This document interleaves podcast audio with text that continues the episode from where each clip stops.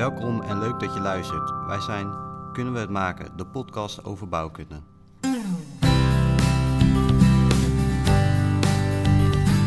Als je dat model hebt getraind, dan kan je tijdens het printen in real time weten wat is mijn kwaliteit nou eigenlijk. Niet echt eh, heel high-tech en je wil ook niet achter de printer aanlopen met een hele handvol theezakjes. Het grappige is dat ik beton eigenlijk eh, niet zo'n leuk materiaal vind.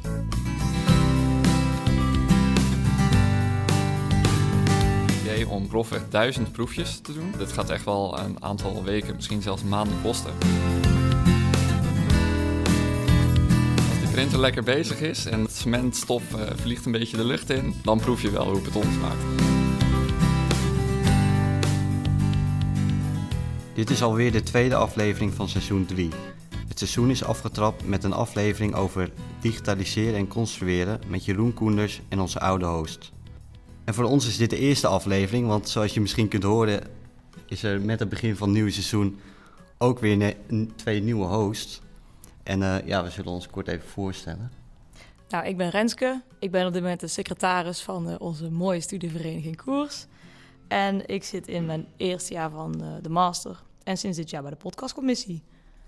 Ja, ik ben Ruben. Nou ja, ik ben hier naar de Eindhoven gekomen voor de Master Structure Engineering en Design. Ik ben nu eh, bezig met een eh, halfjarige pre-master als eerst nog. En vandaag gaan we het hebben over iets dat voor ons op de TUE niet geheel onbekend is. De 3D betonprinter. Nou, het principe van 3D printen is eh, al bijna 100 jaar oud. Waar we vroeger de printkop aan vaste arm werd bevestigd en hier alleen ronde vormen mee gemaakt konden worden, gaan we tegenwoordig steeds verder met het ontwikkelen en maken we vrije vormen.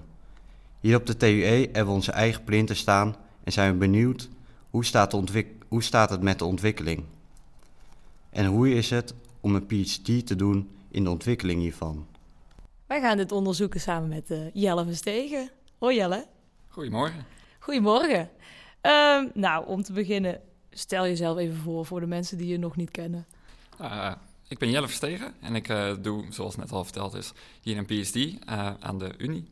Um, en um, ja, wat willen jullie allemaal van me weten? Nou ja, hoe lang ben je bijvoorbeeld al actief op de TU? Je hebt, heb je je master en je bachelor hier ook gedaan? Ja, ik uh, loop hier eigenlijk sinds de bachelor al rond. Dus dat is, als ik even vertel, nu negen jaar, denk ik. Misschien zit ik al in mijn tiende jaar inmiddels. Um, en ik heb inderdaad uh, mijn master hier ook in structural design gedaan. Altijd veel bij de uh, studievereniging actief geweest. En uh, ik vond het zo'n mooie plek dat ik hier maar ben blijven hangen voor een PhD. Ja, je hebt al veel dingen voor, de, uh, voor GEOPS gedaan, hadden we al gezien. En ook wel voor koers. Maar wat was nou het leukste wat je aan activiteiten hebt gedaan op de Unie... die niet onderwijsgerelateerd waren, maar bijvoorbeeld voor de studieverenigingen? Um, de betonkano race was altijd erg leuk. Maar het hoogtepunt was, zoals je zelf weet natuurlijk, de Bierkrottenbrug, die we um, vorig jaar hebben neergezet. Helaas net niet helemaal gelukt, maar dat was zo'n mooi proces en daar hebben we zoveel van geleerd. Dat was echt fantastisch om te doen. Ja, dat was echt heel mooi. Was ook wel een beetje jouw kindje, hè? Een beetje. klein, klein beetje. Was dat een succes ook? Um, nou, tot op het laatste moment dat er net één foutje in, uh, in zat met de stijger, was het een... Wat mij betreft een groot succes. Ja, want was dat jullie net het record niet konden, konden verbreken, dacht ik. Ja, om een lang verhaal kort te maken. Uh, we konden de stijger niet ver genoeg laten zakken. En daardoor heeft hij dus nooit uh, op zichzelf kunnen staan. Maar uh, het hele proces er naartoe en hoe het gebouwd werd... en hoe die uiteindelijk toch voor een groot gedeelte los heeft gestaan... was wat mij betreft echt prachtig. Ah, mooi. Dus toch positieve herinneringen daaraan. Ja. Ik hoorde ook een betonkano. Beton. Ja. Ja, Hoe ben je dan, uh, ja, heb je dan een interesse in beton, dat je, dat je zo uh, met beton bezig bent? Uh, het grappige is dat ik beton eigenlijk niet zo'n leuk materiaal vind. Oh. Want ja, het is veel, er zit zoveel willekeurigheid in en al dat soort dingen. Maar de dingen die je ermee kan doen, dus bijvoorbeeld die betonkano's maken, dan gaat het om het hele proces eromheen. Dat is echt fantastisch. En eigenlijk hetzelfde met de 3D-printer. Um, het is niet zozeer het materiaal wat mij interesseert, maar het is gewoon de manier hoe je met zo'n technologie omgaat om bepaalde dingen te kunnen maken. En om dat te innoveren, dat, dat spreekt mij heel erg aan. Okay. Is het dan ook een beetje een bruggetje geweest voor jou om uh, het te gaan kijken naar... oh, kan ik niet iets met de 3D-betonprinter doen... nadat je met de BKR, BKR hebt meegedaan bijvoorbeeld? Nee, dat is eigenlijk niet hoe ik er terecht ben gekomen. Ehm, ik ben altijd al geïnteresseerd geweest in constructieve optimalisatie. En toen was ik uh, op een gegeven moment bij mijn afstuderen op zoek naar iets van een afstudeeronderwerp wat daar uh, mee te maken zou hebben. En toen ben ik naar wat professoren uh, toegestapt, waaronder Theo Selet, onze decaan. En die zei, ja, hier kunnen we wel wat mee gaan doen, maar dan wel op voorwaarde dat we het ook aan de printer gaan koppelen. Dus dat is eigenlijk hoe ik in het hele 3D-printwereldje ben gerold.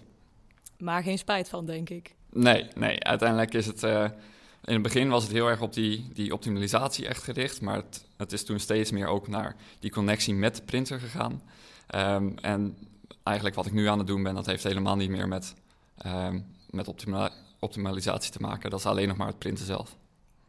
Nou ja, op zich, als je het zo leest, want wat, we, we hebben een beetje ingelezen, dan zou je denken van, oh, het heeft nog wel wat te maken. Maar dat mag je ze dadelijk, mag je dat allemaal haarfijn gaan uitleggen? Ja, daar gaan we het zo uitgebreid over hebben. Maar meestal om een gesprek een beetje te beginnen, beginnen we met een vraagvuur. En dan uh, ja, stellen we wat stellingen of vragen die eigenlijk ja, het liefst uh, kort beantwoord worden. Daar kan je later altijd nog uh, natuurlijk op terugkomen. Het liefst met niet of niet wel waar. nou ja, als eerste stelling. 3D-printen met beton hebben we aardig onder de knie. Een beetje. We beginnen te komen, te komen langzaamaan. Oké. 3D-printen moet en kan veel efficiënter? Ja, zeker. Trial and error is niet nodig bij het ontwikkelen van 3D-printen. Op de manier hoe we het nu doen, zeker niet. Is niet waar. Ja. Niet waar.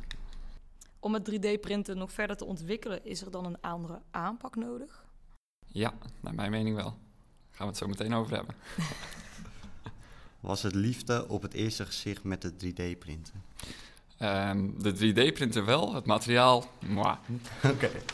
Een beetje een haat-liefde verhouding misschien af en toe. Dat is het beste soms, hè? Ja, misschien om uh, goed even in te leiden, want ik denk dat een heleboel mensen onderhand wel weten wat 3D-geprint beton is. Maar wat zou jouw korte omschrijving zijn van wat het nou echt is? Nou, eigenlijk wat um, de voordelen van 3D-printen zijn ten opzichte van de conventionele technieken, is dat in plaats van dat je een, um, een bekisting moet maken en die daarna volblubbert, je eigenlijk um, aan het printen bent, waar je laagjes constant op elkaar neerlegt en daardoor dus geen bekisting nodig hebt. Um, dat geeft heel veel vrijheid, want je kan opeens in principe alles maken wat je wil. maar dat geeft ook heel veel limitaties, omdat er een hoop nieuwe dingen opeens komen kijken die tot op heden niet echt relevant waren. Maar die dus wel je hele proces overhoop kunnen gooien. En hoe ziet zo'n hele installatie dan uit voor de kijker die dat nog nooit heeft, uh, voor de luisteraar die dat nog nooit heeft gezien? Uh, heel simpel gezien heb je eigenlijk een soort van uh, mixsysteem. Daarin komt het, het droge materiaal, het, cement samen met water, wordt gemixt. En dan wordt het door een slang verpompt naar de, de printkop. En de printkop hangt eigenlijk aan een robotarm, of in ons geval een, een gantry system. Um, en daar, um, ja, dat kan je dus programmeren om in een bepaalde vorm vormen te printen. En dan, uh, ja, eigenlijk wat je dan aan het doen bent, is precies hetzelfde als met een, een standaard plastic 3D-printer. Je bent gewoon constant laagjes op elkaar aan het neerleggen. En als je dat maar lang genoeg doet, dan komt er een vorm uit. Oké, is het al zo dat het ook op de bouw gebruikt wordt? Of is het vooral, want je hebt natuurlijk een hele robotinstallatie. Is het al mogelijk om dat op de bouwplaats weg te zetten? Hij gaat printen en je brengt het naar de volgende plek? Of is het echt een uh, prefabricatiemethode die ze nu vooral uh, aan het ontwikkelen zijn met de 3D-betonprinter? Er zijn uh, al wat fabrieken die dus 3D-geprinte objecten maken. Dus dat is echt inderdaad dat je meer van tevoren het object maakt en het dan naar de bouwplaats verplaatst. Maar er zijn ook um, bedrijven bezig met inderdaad wat je zegt. hey, ik zet gewoon een hele grote 3D-printer op zo'n bouwplaats neer, die dus in één keer een heel huis kan printen. Dat, dat gebeurt inderdaad al. Um, en dan heb je ook nog een soort van tussenweg waar mensen tegenwoordig over na aan het denken zijn. Dat je niet een hele fabriek neerzet, maar dat je een soort van lokaal een uh, kleiner fabriekje maakt. Dat je niet in de weersomstandigheden aan het printen bent, uh, maar dat je dus iets gecontroleerder bezig bent, maar het niet al te ver hoeft te verplaatsen. Dus het wordt al wel uh, echt toegepast ook? Nou ja, er zijn wat mock-ups. Er, er, worden wat huizen geprint hier en daar. Maar het is nog niet dat het echt grootschalig wordt toegepast, omdat het, ja, de technologie staat nog, nog net te veel in de kinderschoenen daarvoor. De technologie weerhoudt het eigenlijk. Uh... Ja, dat is, ehm, er zijn gewoon nog wel wat haken en ogen aan de technologie. Ehm, en die zorgen ervoor dat, ja, ehm, dat je nog niet helemaal het, het kan doen zoals je dat graag zou gaan willen met een uh, grootschalige operatie. bijvoorbeeld de rekenregels, die zijn er nog helemaal niet. Dus die zijn we op dit moment aan het ontdekken. Dus dan moet je heel erg gaan kijken van, ja, hoe gaan we nou ervoor zorgen dat alles wat wij hier neerleggen ook daadwerkelijk veilig is. Ehm, en ja, als je dan nog niet hebt, dan kan je nog niet grootschalig gaan. Dan moet je het bij kleine objectjes houden. Zie je dat ook als een van de grootste uitdagingen op dit moment voor 3D-betonprint? Dat we nog geen gestandaardiseerde waarden hebben voor het fabriceren van objecten, gebouwen door middel van een 3D-betonprinter? Of wat zie je als de, de grootste uitdagingen voor het betonprint op dit moment? Um, nou, die rekenregels en de manier hoe we dus ermee omgaan, zijn inderdaad wel een heel interessant concept. Omdat het is heel anders dan een conventionele manier van bouwen. Dus als je dan naar standaard regeltjes zoals in de eurocode gaat, dan dat schiet er niet echt mee op.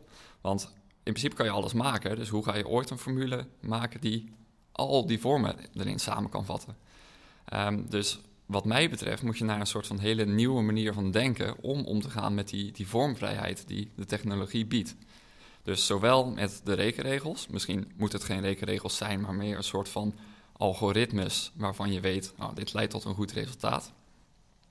Maar ook de hele manier hoe we denken en hoe we ontwerpen met dit soort technologieën. En ik denk dat dat de grootste uitdaging is op dit moment. Dat uh, de technologie inmiddels goed genoeg is dat je er wat leuke vormen mee kan gaan printen. Maar dat we nu echt op zoek zijn naar waar gaan we dit nou toepassen? Waar komt dit nou echt goed tot zijn recht? En hoe gaan we ontwerpen met dit soort technologieën? En het blijft echt heel specialistisch, dus uh, het werk daarmee. Uh, ja, in essentie wel. Um, en we waren laatst op een conferentie en daar merkte je ook heel erg dat um, de bedrijven die het al gebruiken, die, die vroegen een beetje van, ja jongens, waar, wat zijn nou goede toepassingen van, van zo'n technologie? En er zijn hier laatst aan de universiteit ook twee PhD's begonnen die hier meer op aan het focussen zijn. Dus nu dus de technologie goed genoeg is om een beetje te kunnen bouwen, moet je echt gaan denken van, ja, hoe gaan we dit nou echt toepassen in de bouw? En als de technologie zo ver ontwikkeld is dat dat echt toe te passen is, wat zijn dan de grootste voordelen uh, ten opzichte van ja, de methodes die nu gebruikt worden? Nou, um, je, hebt, je, kan het vanuit een aantal uh, punten zien. Uh, ten eerste, je hebt duurzaamheid. Want in principe, hoe we betonnen elementen maken nu, is je maakt een hele grote bak, je gooit die bak vol en dan, nou, beton is niet, zo duur, maar het stort wel vol uit. Dus op die manier zorg je dan voor dat je toch een soort van efficiënte uh, constructie kan maken. Want meestal is de bekisting het duurste gedeelte. Uh, met zo'n printer kan je het gewoon precies neerleggen waar je wil. Dus ten eerste kan je dan um, vormen maken die misschien meer lijken op hoe je ze daadwerkelijk zou willen. En ten tweede kan je dus die constructieve optimalisatie gebruiken om materiaal weg te laten waar het niet nodig is. En anderzijds zou je natuurlijk de productiviteit flink omhoog kunnen gooien. Um, in principe, als de technologie goed werkt, hoef je niks te doen en zo'n ding is gewoon aan het printen. Dus wat je bijvoorbeeld zou kunnen hebben over een x aantal jaar, is dat er gewoon een mannetje of twee, drie in een fabriek staan. Die hebben daar 10, 20 printers staan die allemaal hun ding aan het doen zijn. En zij houden het gewoon een beetje in de gaten. En op een gegeven moment zijn die objecten af. Nou, dan moeten ze een keer naar de bouwplaats. Maar de productiviteit, als je daar eenmaal bent, kan dus flink omhoog geschroefd worden. Oké. Oké. Nou, genoeg algemene praat over eh, betonprinten. Ik denk dat het nu heel duidelijk is. Uh, we zullen er wat dieper op ingaan, want jouw PhD gaat ook een stuk dieper op het betonprinten in en dan met name op het kwaliteitsmeten. Maar wat is nou de reden dat jij dit onderzoek bent gaan doen als PhD?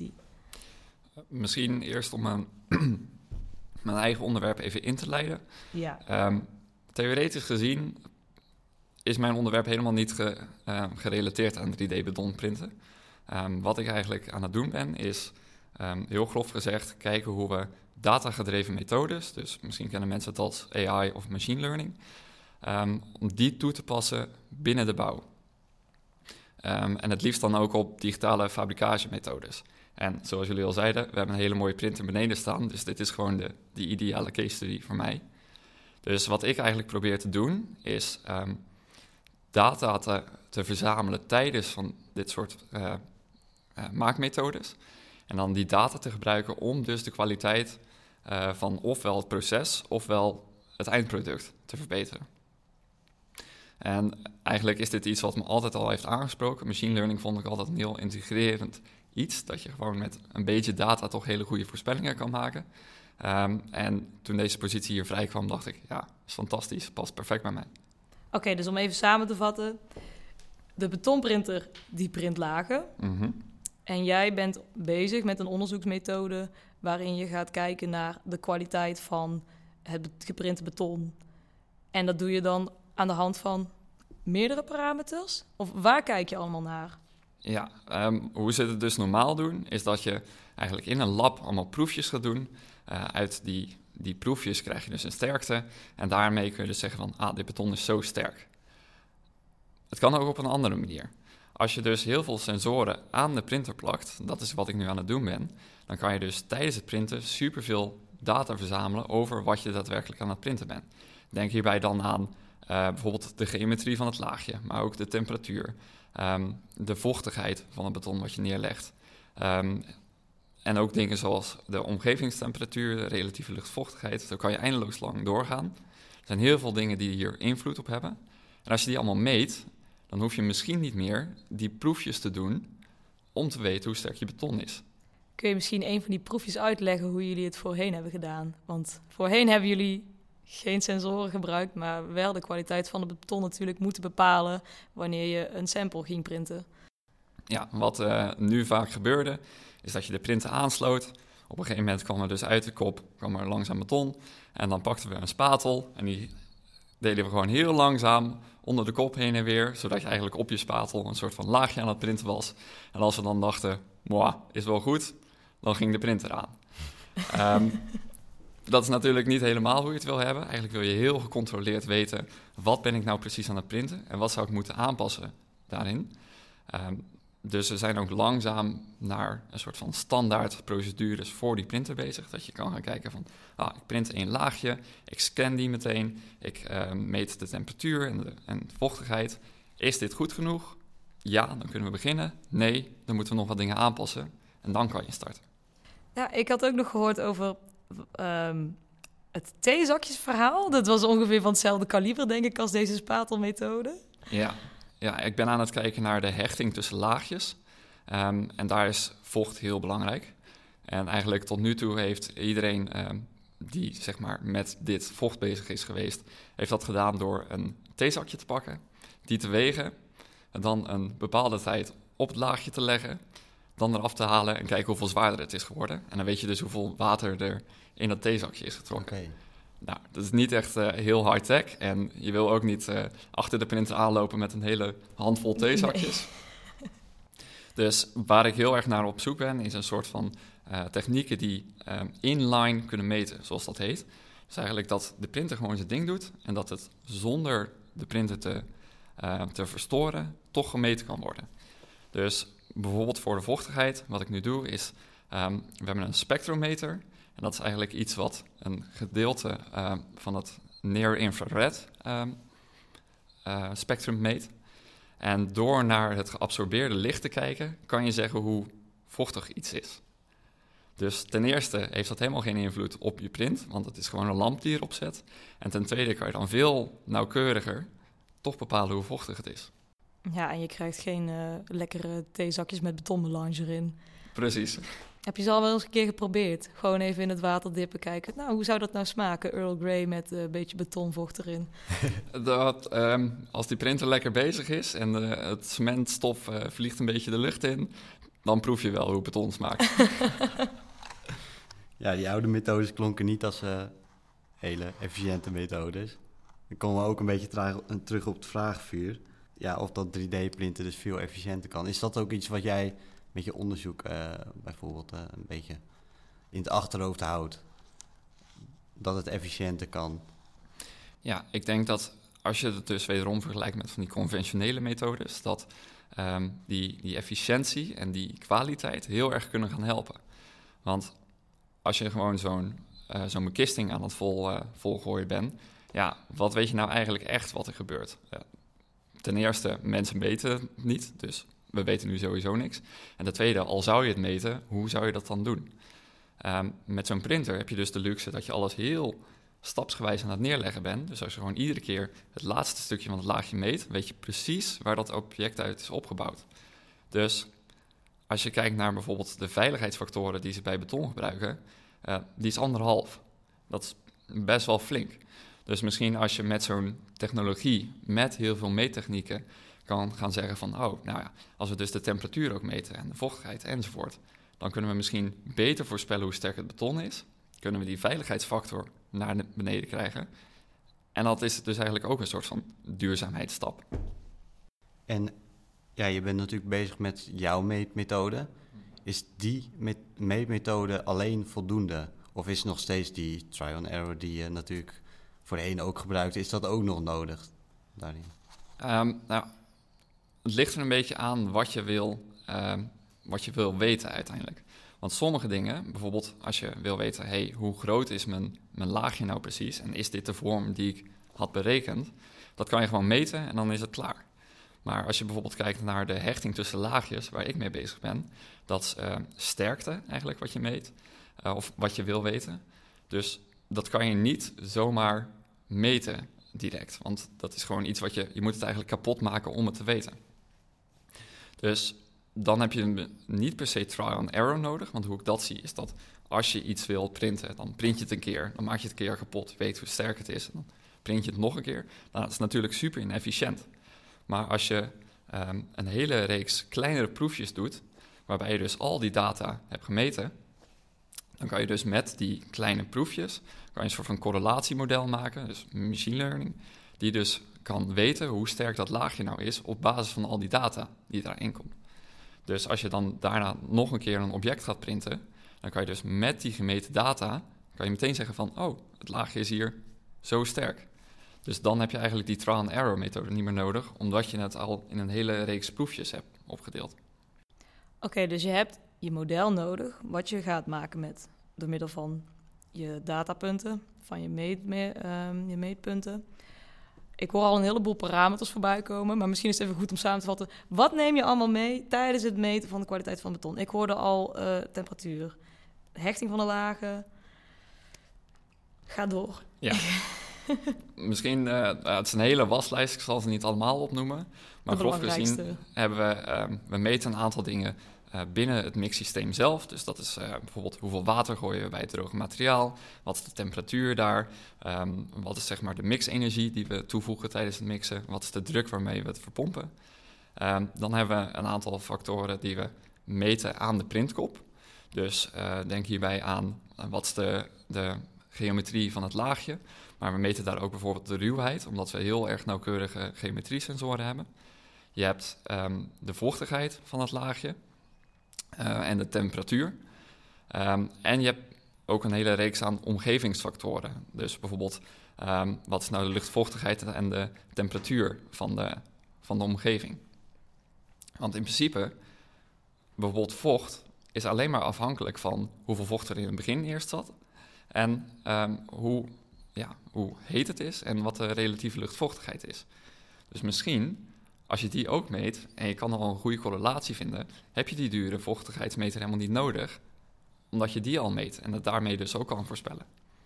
Dus dat is ook iets wat we proberen te doen, dat we nu zeggen van, nou, we passen ook allemaal hele dure sensoren toe, maar uiteindelijk zou het natuurlijk heel mooi zijn als je met één of meerdere simpele sensoren dezelfde voorspelling kan maken. Want dan is het veel makkelijker voor de bouw om op te pakken.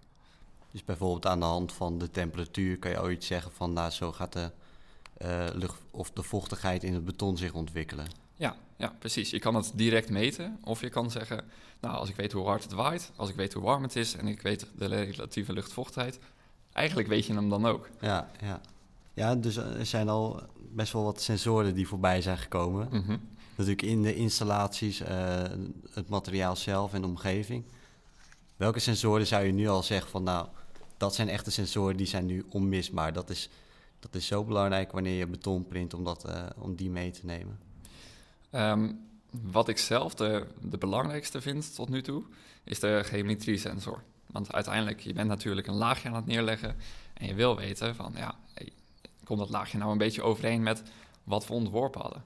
Ehm, en het is iets wat nog niet echt wordt gebruikt in de industrie. Mensen die, die gooien het gewoon neer en dan eh, komt het wel.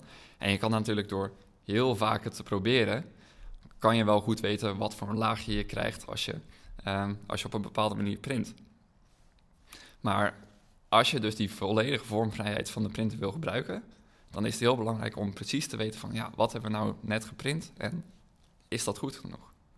Oké, dat is best interessant. Ik zou dat niet in eerste instantie zo zeggen. Nou, je hebt heel veel dure meetsensoren, maar toch die geometrie dan uh, ja, bekijken, dat is dan toch iets wat, uh, ja, wat je nog mist, ook binnen uh, een 3D-printen op dit moment. Ja, dus je ziet het hier en daar in sommige onderzoeksgroepen wel opkomen. Dus ik denk dat het niet heel lang meer duurt voordat iedereen zijn ding erachter heeft hangen. Maar ik denk dat het wel een goede stap is in de goede richting. Dat je precies weet van, ah, nou, we hadden dit ontworpen en dit hebben we geprint. En hoe ver ligt dat nou bij elkaar vandaan? En kan je echt al aan die geometrie ook uh, die andere sensoren bijvoorbeeld koppelen? Of die correlatie al vinden? Is dat toch iets wat toch nog apart blijft? Ja, uiteindelijk moet natuurlijk alles een soort van samenkomen. Um, wat wij dus heel erg doen, is dat je zegt van, ja, wij printen dus bijvoorbeeld een muurtje. En uit dat muurtje uh, zagen we dus fysiek een, een proefstukje. Dat proefstukje kan je kapot drukken en dan heb je dus bepaalde data over hoe sterk het was. Maar daar heb je natuurlijk nog niet voldoende aan, want je hebt al die meetdata aan het begin en die wil je een soort van aan dat proefstuk hangen. Dus je wil binnen je gigantische dataset die uit die printer komt, eens gaan kijken van ja, welke data was nou, hoorde nou bij dat proefstukje. Dus eigenlijk wat je dan doet is gewoon, um, als je de positie van je printer weet, kan je dus heel makkelijk zeggen van oh, die sensoren die hier zaten, die hebben dus dit stukje van, van de muur gemeten. Um, en dan kan je dus een soort van die correlatie gaan maken tussen hoe sterk was nou het proefstukje dat we hebben kapot gedrukt, wat voor een input hadden we aan het begin, dus wat hebben die sensoren gemeten op dat stuk. En dat is eigenlijk waar machine learning dus uh, om de hoek komt kijken. Als ik het zo hoor en als ik het ook een beetje begrijp wat machine learning is, misschien is het ook wel goed om even uit te leggen wat ga je met machine learning doen. Hè? Want je bent nu heel veel data aan het verzamelen vanuit heel veel verschillende punten. En dan ga je een algoritme trainen met je gegeven data. Dat hij de goede relaties gaat vinden als er correlatie is. Toch? Ongeveer? Ja, ja, je moet me corrigeren, Jelle. Want... Nee, nee, dat klopt. Ja, ja, oké, oké.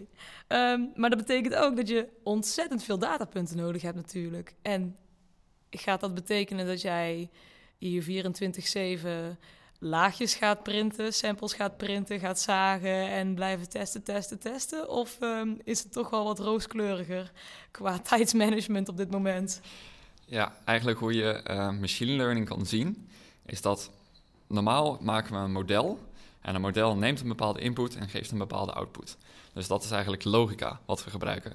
Machine learning doet het op een andere manier. Dat je geeft een uh, een machine learning model dan, geef je heel veel data en eigenlijk gebruikt het dan statistiek om daaraan voorspelling uit te halen. Uh, dus wat je zegt klopt inderdaad, dat um, zeker voor complexere uh, machine learning modellen heb je onwijs veel data nodig om ze een beetje fatsoenlijk te trainen.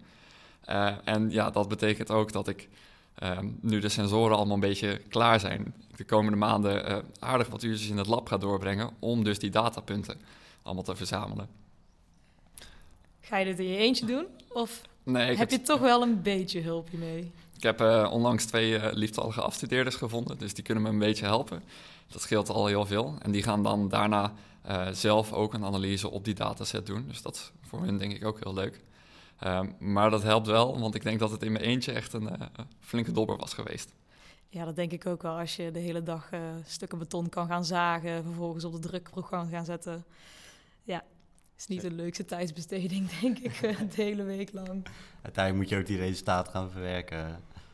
Ja, ja het is dus uh, het idee om grofweg duizend proefjes te doen. Uh, dat gaat echt wel een aantal weken, misschien zelfs maanden kosten. Uh, misschien de mensen die luisteren denken... oh, dat is echt veel te weinig voor een machine learning model. Ja, dat klopt ook wel redelijk, maar um, het is een PhD. We gaan niet voor het, um, het optimale model... Maar dit is meer een soort van proof of concept. Dat je kan laten zien van hé, hey, als we dus zo'n datagedreven methode gebruiken in combinatie met zo'n 3D-printer, kan je dus inderdaad een voorspelling doen. Ja, en je hebt het dan ik, al ergens gepresenteerd op een congres, hoorde ik. Ja, klopt inderdaad. Ik heb een keer een uh, posterpresentatie mogen geven op een uh, congres... wat uh, specifiek over 3D-printen van beton ging. En dat viel wel in de smaak daar. Dus. Ik hoorde dat je een prijs hebt gewonnen zelfs. Ja, ja inderdaad, voor de, de beste poster. ik denk dat het ook wel hielp dat ik hier natuurlijk ook een stukje architectuur... tijdens mijn opleiding heb gehad. Dus dat ik wel weet hoe ik mooie plaatjes moet maken dat zie je ook niet altijd op van die wetenschappelijke posters terug. Nee, dat is, ja, inderdaad. We hebben toch wel geluk gehad met onze Adobe-licentie als studenten, denk ik. Precies. dus die poster was wel indrukwekkend. Uh. Ja, het was heel leuk om over het congres heen een beetje te zien dat iedereen zei van... ah ja, we moeten meer data verzamelen. We moeten meer kunnen meten over onze processen. Um, en dat je dan daarna met zo'n poster aankomt van... hé, hey, ja, wat jullie al de hele week aan het roepen zijn. En dat ben ik eigenlijk al aan het doen. En dus ik ben ook heel benieuwd hoe... Uh, we zijn hier dus nu papers over aan het schrijven... hoe die gaan vallen binnen het publiek of dat mensen het ook uh, daadwerkelijk op gaan pakken. Oké, dus het geeft meteen antwoord op de vraag en dat maakt het eigenlijk wel uh, een sterk stuk bij elkaar. Ja, precies. En natuurlijk wat wij hier gaan doen, omdat we alles met onze printer uh, printen um, en met ons materiaal, krijg je wat ze noemen een bias in de dataset. Dus um, de voorspellingen die wij zo meteen kunnen gaan doen, zijn waarschijnlijk alleen maar goed voor ons materiaal en onze printer. Maar het zou dus bijvoorbeeld heel leuk zijn als we de sensoren die we hebben uh, doorsturen naar een van onze academische of uh, industriële partners, die dan ook een paar honderd van die proefjes printen. Um, en als je dat dan helemaal op dezelfde manier doet, kan je dat allemaal samenvatten. En dan kan je dus langzaam aan naar een soort van algemene model gaan, die dus van alle printers een voorspelling kunnen doen. Niet alleen maar van ons materiaal. Oké, dus nu ben je eigenlijk een beetje een lineair proces aan het uitvoeren. Je hebt je parameters, die voer je zelf in. Daar krijg je Vanuit je sensoren krijg je data uit, die voer je in het model uh, in. Je maakt, doet de drukproeven en je maakt een model. Maar kun je het ook door gaan koppelen? Dat je dat model weer gaat gebruiken om aan je printer aan te sluiten en dat je printer zelfregulerend wordt aan de hand van je machine learning model. Ja, dat kan zeker. Je hebt eigenlijk, zoals je zelf al goed omschreef, twee stappen. Eerst moet je natuurlijk kunnen voorspellen wat de kwaliteit is. Uh, dus dat doen we nu met die modellen van bijvoorbeeld de hechtsterkte. Um, op een gegeven moment als je dat model hebt getraind, dan kan je dus tijdens het printen met die sensoren eigenlijk een soort van in real time weten wat is mijn kwaliteit nou eigenlijk. En als je dat dus in real time kan voorspellen, kan je daarop gaan reageren. Dus um, bijvoorbeeld er is al een keer een onderzoek geweest um, waar iemand een hoogtesensor aan de printer heeft gehangen. En die hoogtesensor die stuurde dus printen aan dat um, als je dus bijvoorbeeld over een golvend oppervlak zou gaan printen, dan zou die printer gewoon dat oppervlak volgen, omdat hij net voordat hij er is meet hoe hoog het is en daar dus op aanstuurt. Simpel voorbeeldje, maar het werkt wel heel mooi. Maar dat kan je dus veel breder gaan trekken. Dus op een gegeven moment als je die voorspellingsmodellen hebt en je komt er dus achter van, oh, de hechting tussen de laagjes is nu gewoon niet goed genoeg, hier moeten we echt iets aan gaan doen dan kan je gewoon algoritmes maken die dat voor je gaan oplossen. Dus dan draai je het eigenlijk om. Dan zeg je, we weten nu dat de kwaliteit niet goed genoeg is. Laat die printer maar iets doen om ervoor te zorgen dat het automatisch wel goed genoeg is. Dus voeg wat meer water toe. Print wat langzamer. Er zijn heel wat oplossingen bedenkbaar. Ik weet niet hoe goed ze zijn op dit moment, maar later in dat onderzoek gaat dat wel echt een ding worden. Dat is wel vet als je er een uh, responsive system van kan gaan maken. Maar dit is niet iets wat jij ook in je PhD wil gaan. Uh, heb je er tijd voor? Dat is de grote vraag, maar ik zou het het liefst wel nog aan willen gaan pakken, omdat dit het hele verhaal weer mooi rondmaakt. Ja, want die, die meetmethode die misschien nu nog niet rendabel is, die kan wel ineens rendabel worden natuurlijk wanneer je er nog weer verder mee kan. Ja, precies. En als je dat dus zelf laat aansturen, dan is het ook wat meer um, dat je... Je hebt dus een concept dat heet first time right printing. En dat is eigenlijk dat je zegt van we willen geen trial and error proces, want dat kost te veel materiaal en te veel tijd en is allemaal niet efficiënt. Um, dus je kan met al die sensoren kan je meten en dan weet je achteraf hoe goed het was. Maar dan is er dus nog steeds een kans dat het niet goed genoeg is en dat je het nog steeds weg moet gooien. Dus als je echt die printer op zo'n manier programmeert dat hij dus zichzelf aan de hand van die sensoren aan kan sturen, dan kan je er dus voor zorgen dat elke keer als je print, je een goed genoeg object neerzet die gewoon lekker gebruikt kan worden, zodat je helemaal niet materiaal aan het verspillen bent door al die objecten weg te gooien die niet van hoog genoeg kwaliteit zijn. Dus je rendement wordt ineens een heel stuk groter voor het gebruik van een 3D-betonprinter. Ja, precies. En je duurzaamheid is een stuk beter en je productiviteit wordt een stuk hoger. Eigenlijk alle aspecten die betonprinten probeert te coveren ten Ja. opzichte van het eh, traditioneel gebruiken van beton. Ja, precies. En ehm, wat je dan ook hebt, is dat er niet meer echt iemand hoeft op te letten. Want in principe houdt die printer zijn eigen proces al in de gaten. Tuurlijk zijn we daar nog lang niet. Er zijn nog heel veel stappen die we moeten ondernemen voordat het echt een op zichzelf draaiend proces is. Maar ik denk dat daar wel een, eh, een goede toekomst in zit. Misschien wel een leuk idee voor na je PhD. Ja, of eh, ja, misschien lukt het eerste stapje of wederom een proof of concept wel binnen mijn PhD al. Dat je dus kan laten zien met al die sensoren die we dus nu al hebben uitgezocht, kan ik dus ook de printer zichzelf laten aansturen. Je doet nu vooral onderzoek natuurlijk naar de, gewoon een geplinte laag met alleen beton. Kan je daar bijvoorbeeld ook wapeningsstaal in toepassen of eh, wil je daar onderzoek naar doen? We hebben een PhD in onze groep zitten die eh, met wapening bezig is. Maar dat is niet echt het, uh, de kern van wat ik hier nu aan het doen ben. Um, want in principe, ik ben maar een heel klein, klein gedeelte van het hele complexe 3D-printverhaal aan het aanpakken. Ik ben dus inderdaad echt naar die hechting tussen de laagjes aan het kijken. En daar is wapening niet zo heel relevant voor. Um, het is, als je het gaat wapenen, dan, dan, is die sterkte niet meer relevant. En als het uh, in ongewapende situaties verandert het niet. Als je opeens wel een wapeningsstaaf doorheen, staaf doorheen gooit. Ja, precies. Dus je hebt gewoon een andere omstandigheid, maar uiteindelijk wil je natuurlijk wel jouw methode ook toepasbaar maken op dat soort uh, toepassingen. Ja, in principe de aanpak die ik probeer, uh, probeer te doen, dus eigenlijk dat je zegt van ik heb een digitale fabrikagemethode waar ik heel veel sensoren aan hang, uh, daar data mee verzamel en dan vervolgens een voorspelling kan doen over wat ik aan het doen ben. Dat zou natuurlijk op elk materiaal te kunnen passen. Um, je hebt ook bijvoorbeeld automatisch uh, fabrikage van houten frames of zo. Nou, zou je precies hetzelfde kunnen doen. Je moet andere dingen meten, maar de manier van aanpak zou kunnen helpen. Dus die modellen van jou die kan je ook toepassen op andere materialen, uh, behalve dat betonprinten? Ja, ja. Um, natuurlijk, zoals ik al zei, je moet andere sensoren toe gaan passen, want andere materialen hebben hele andere dingen die, uh, die van invloed zijn. Maar het feit dat je data kan gebruiken om betere kwaliteit producten af te leveren, is iets wat denk ik de hele bouw kan helpen. En niet alleen maar 3D-printen. Zijn er ook al um, andere onderzoekers binnen de vakgroep die met andere materialen proberen te 3D-printen? Die nu al profijt zouden kunnen hebben van wat jij aan het onderzoeken bent? Um, er zijn bijvoorbeeld mensen die staal aan het 3D-printen zijn. Um, en toevallig heb ik daar laatst een meeting mee gehad, omdat die op zoek zijn naar inderdaad meetmethodes hoe ze de geometrie kunnen meten. En ja, bijvoorbeeld de geometrie meten, dat verschilt niet heel veel tussen verschillende materialen. Dus toen heb ik ze laten zien hoe onze geometrie uh, sensor werkt. Dus ja, inderdaad, ik denk dat er best wel wat kan overlappen. En dat je dus die kennis van andere groepen hier best wel prima kan gebruiken. Dat is mooi om te horen. En het is natuurlijk ook fijn dat nu zijn we bezig op de universiteit in het onderzoeksveld. Maar de bedoeling is natuurlijk dat het naar de industrie gaat overslaan. Um, ja, denk je dat het bouwsector hier echt iets aan heeft? Je hebt al een paar keer gezegd, het kan efficiënter hierdoor. Het wordt misschien wat makkelijker ook om uh, te gaan betonprinten op locatie. Of om het grootschaliger te gaan doen. Ben je, denk je dat nog steeds? Ja, wat natuurlijk wel een minpuntje is aan deze hele aanpak... is dat je het proces onwijs veel complexer aan het maken bent. Waar je eerst gewoon, zeg maar, een lompe machine had die gewoon beton aan het neergooien is, krijg je nu allemaal van die dure sensoren die allemaal best wel ingewikkeld zijn. Um, dus je vraagt wel veel van een, van een bouwbedrijf als je dus zegt van ah, kan je deze sensoren allemaal toe gaan passen op je printer. Um, dus ja, het, het wordt nog wel een lastig puntje hoor. Want je komt natuurlijk ook met een soort van black box model daar op een gegeven moment aan zeggen.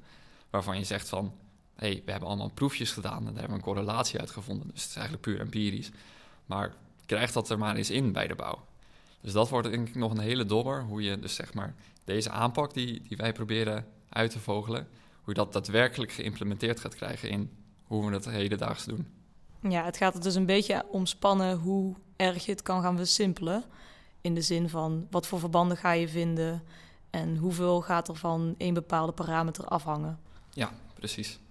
Je hebt nu al best wel wat uurtjes gedraaid met de betonprinter natuurlijk. En ik vroeg, we vroegen het net in het vragenvuur ook al, uh, liefde op het eerste gezicht. Maar ik denk dat het vaak met de betonprinter ook een beetje een haat-liefde verhouding is. Hij zal niet altijd doen wat je wil.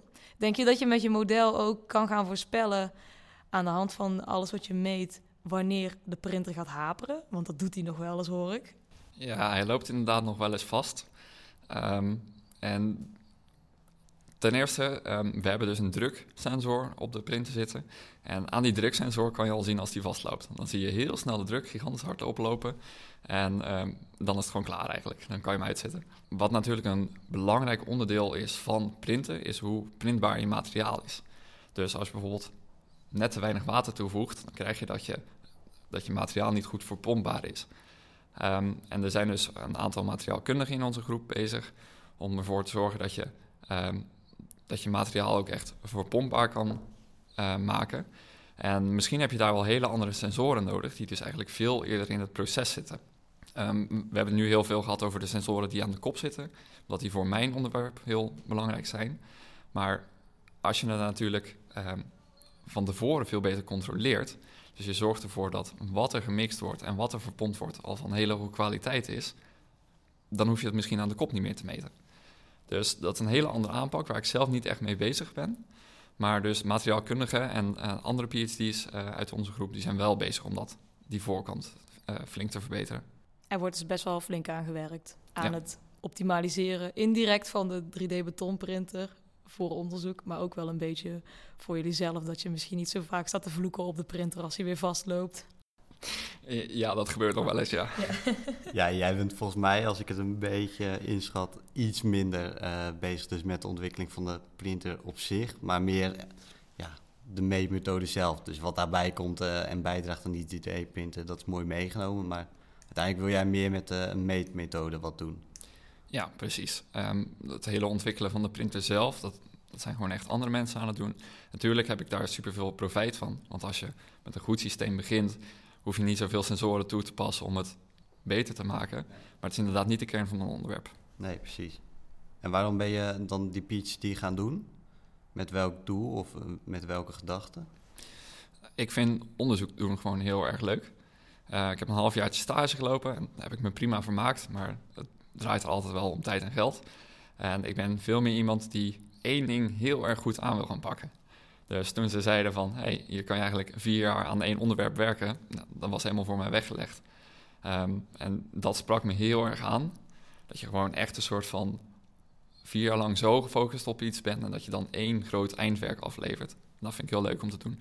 Oké, ja, want aan het begin zei je van, nou, ik ben een beetje bij de 3D-printer erin gerold, uh, zo. Uh. Maar was die meetmethodiek, was dat al iets wat je vooraf al interesseerde en dat je dacht, nou, met zo'n PhD kan ik daar uh, mee aan de slag? De, de sensoriek achter het hele verhaal heeft me, interesseerde me niet zo erg, om eerlijk te zijn. Uh, inmiddels wel vind ik het heel leuk om te doen, maar toen ik begon dacht ik, maar het zal allemaal wel. Um, maar machine learning, dus zeg maar het, het, gedeelte waar ik nu nog niet heel erg mee bezig ben, maar wat in de komende maanden wel gaat komen, dat vond ik wel altijd heel, heel interessant. Dus dat is ook de voornaamste reden dat ik voor, de, voor deze PhD heb gekozen. Oké. Heb je al ervaring met machine learning modellen maken? Nee, um, dat is een onwijs breed en snel, uh, snel groeiend onderwerp. Dus het is ook vrij lastig om erin te komen. Maar wat wij gaan doen is vergeleken met de state of the art in machine learning, is het echt heel simpel. We hebben maar een paar parameters en we proberen het zoveel mogelijk plat te slaan met de kennis die we al hebben, zodat je eigenlijk alleen de relevante dingen aan dat machine learning model uh, voedt. Um, dus ja, tuurlijk moet je er wat kennis van hebben, maar het is niet dat we echt diepgaand fundamenteel machine learning onderzoek gaan doen. Het is meer echt een toepassing van wat er al bestaat. Oké, dan blijft het ook wel wat behapbaarder, denk ik, als je er nog nooit mee hebt gewerkt van tevoren. En uh, wat denk je nou, hè, over een paar jaar dan ben je klaar met je PhD. Wat denk je dan dat je wil gaan doen? Heb je al een idee? Wil je hiermee door? Zou je in het onderzoeksveld door willen gaan met die optimalisatie van bijvoorbeeld een, een 3D-printer? Of uh, die meetmethodiek. Ja, of de meetmethodiek. Of denk je, nou weet je wat, ik ben er eigenlijk wel klaar mee. Ik ga nu toch maar wel werken. PhD is geen werken, hè? Nee. uh, um, ja, toevallig, ik ben dus nu precies halverwege mijn PhD. Dus ik begin een beetje op zo'n punt te komen waarvan ik denk van... Ah, misschien moet ik hier toch langzaamaan een keertje over na gaan denken. Ehm, en ik weet het nog niet zo goed. Ik, zoals ik al zei, ik vind onderzoek doen heel erg leuk. En ik heb nu twee jaar van mijn PhD erop zitten en ik vind het nog steeds heel leuk. Ehm, dus misschien wil ik wel inderdaad in het onderzoeksveld blijven. Ehm, maar dat kan natuurlijk of aan de universiteit, maar het kan ook bij bedrijven. Als een, bedrijf een goede researchafdeling hebt, dan zou ik daar ook prima mijn ei kwijt kunnen. Dus dat ehm, weet ik nog niet. Ga ik nog over nadenken. Alle opties liggen nog open dus. Precies. En als je nou een student die nu op de TU zit, zou uh, die spreekt jou aan en zegt: Ja, ik ben eigenlijk ook wel benieuwd naar een PhD. Wat voor student denk jij uh, dat geschikt is om een PhD te gaan doen? Want het is natuurlijk wel weer iets totaal anders dan je afstuderen, de vier jaar, drie jaar bachelor die je hier volgt of de twee jaar master. Het zijn geen vakken meer, het is allemaal onderzoek, onderzoek, onderzoek. Ja, eigenlijk vind ik het verrassend veel lijken op een afstuderen. Alleen dan vier jaar lang in plaats van drie kwart jaar. Dus als een student denkt van ja, ik vond mijn afstuderen heel erg leuk om te doen. Dat uh, zelfstandige, je moet zelf een, een, plan schrijven van A tot Z. En dat ook zelfstandig helemaal uit weten te voeren. Dat is eigenlijk wat je met een PhD ook doet, maar dan op grotere schaal. Dus dat is denk ik wel een goede uh, ja, meting of een PhD iets voor jou is. Kijk naar je afstudeerproces en ga een keer met wat PhD'ers praten. Dat helpt ook altijd heel erg. Ja, dat zal zeker wel helpen. Het is in ieder geval een aanrader, dus volgens jou. Uh, het moet je liggen. Dus ik zeg zeker niet tegen iedereen: ga een PhD doen. Want er zijn ook mensen die, um, die bijvoorbeeld die zelfstandigheid wat minder aankunnen. Want um, zeker bij de wat, wat opere PhD's, waar de onderzoeksvraag nog niet heel erg vast ligt op het begin, moet je helemaal zelf dat proces gaan vormen. En sommige mensen ligt dat beter dan anderen. Dus daarom zeg ik, als je denkt van, ah, nou, misschien wel, misschien niet, ga eens met wat mensen praten. Want het kunnen vier lange jaren zijn als het je niet ligt. We moeten langzaam een beetje afronden. Dus ja, ook nog een laatste vraag. Want dit is ja, een enorm interessant onderwerp volgens mij. En nou, tijdens deze podcast vond ik het al enorm interessant. Maar als zo'n student dan denkt van, nou, ik zou wel willen onderzoeken... en dit is eigenlijk wel heel interessant wat uh, Jelle mij net heeft verteld... Ja, wat raad je dan aan om, uh, om te doen? Uh, dus zijn er bijvoorbeeld binnen afstuderen bij de masteropties om binnen dit vakgebied uh, af te studeren? Of denk je van, uh, nou, binnen de PhD valt er ook nog zoveel te ontdekken? Um, tuurlijk, voor de mensen die denken van, ik vind dat datagedreven heel erg interessant. Afstuderen is altijd een uh, optie. Dat um, is dan ook een beetje onder Rob Wolfs, omdat hij hier, hier, ook heel erg mee bezig is met data en hoe pak je dat nou aan. En je merkt ook dat uh, steeds meer PhD-onderwerpen hier een beetje op gefocust zijn. Uh, we hebben het uh, AI-instituut van Eindhoven, EASY. En die, uh, die stelt best wel wat PhD-posities beschikbaar. Dus als je denkt, hier wil ik in verder op langere termijn, dan zou je ook daar eens kunnen kijken. Maar als je denkt, eerst eens even aanvoelen, dan uh, stuur me een keertje een mailtje en dan kunnen we kijken wat we kunnen regelen. Oké, okay, ja. Ja, top Jelle. Jelle, hartstikke bedankt voor het komen ik denk dat ik voor jou, eh, voor mezelf en voor Ruben kan spreken, dat we er allebei echt heel erg van, veel van hebben geleerd. Zeker. Het was echt heel leuk, ja. Jullie ook bedankt. Ja. U luisterde naar Kunnen we het maken? Gepresenteerd door Renske Rox en Ruben Philips. Tot slot willen we de commissie die heeft geholpen deze podcast te maken bedanken. En Joram Driessen bedanken voor het produceren van ons intro-muziekje.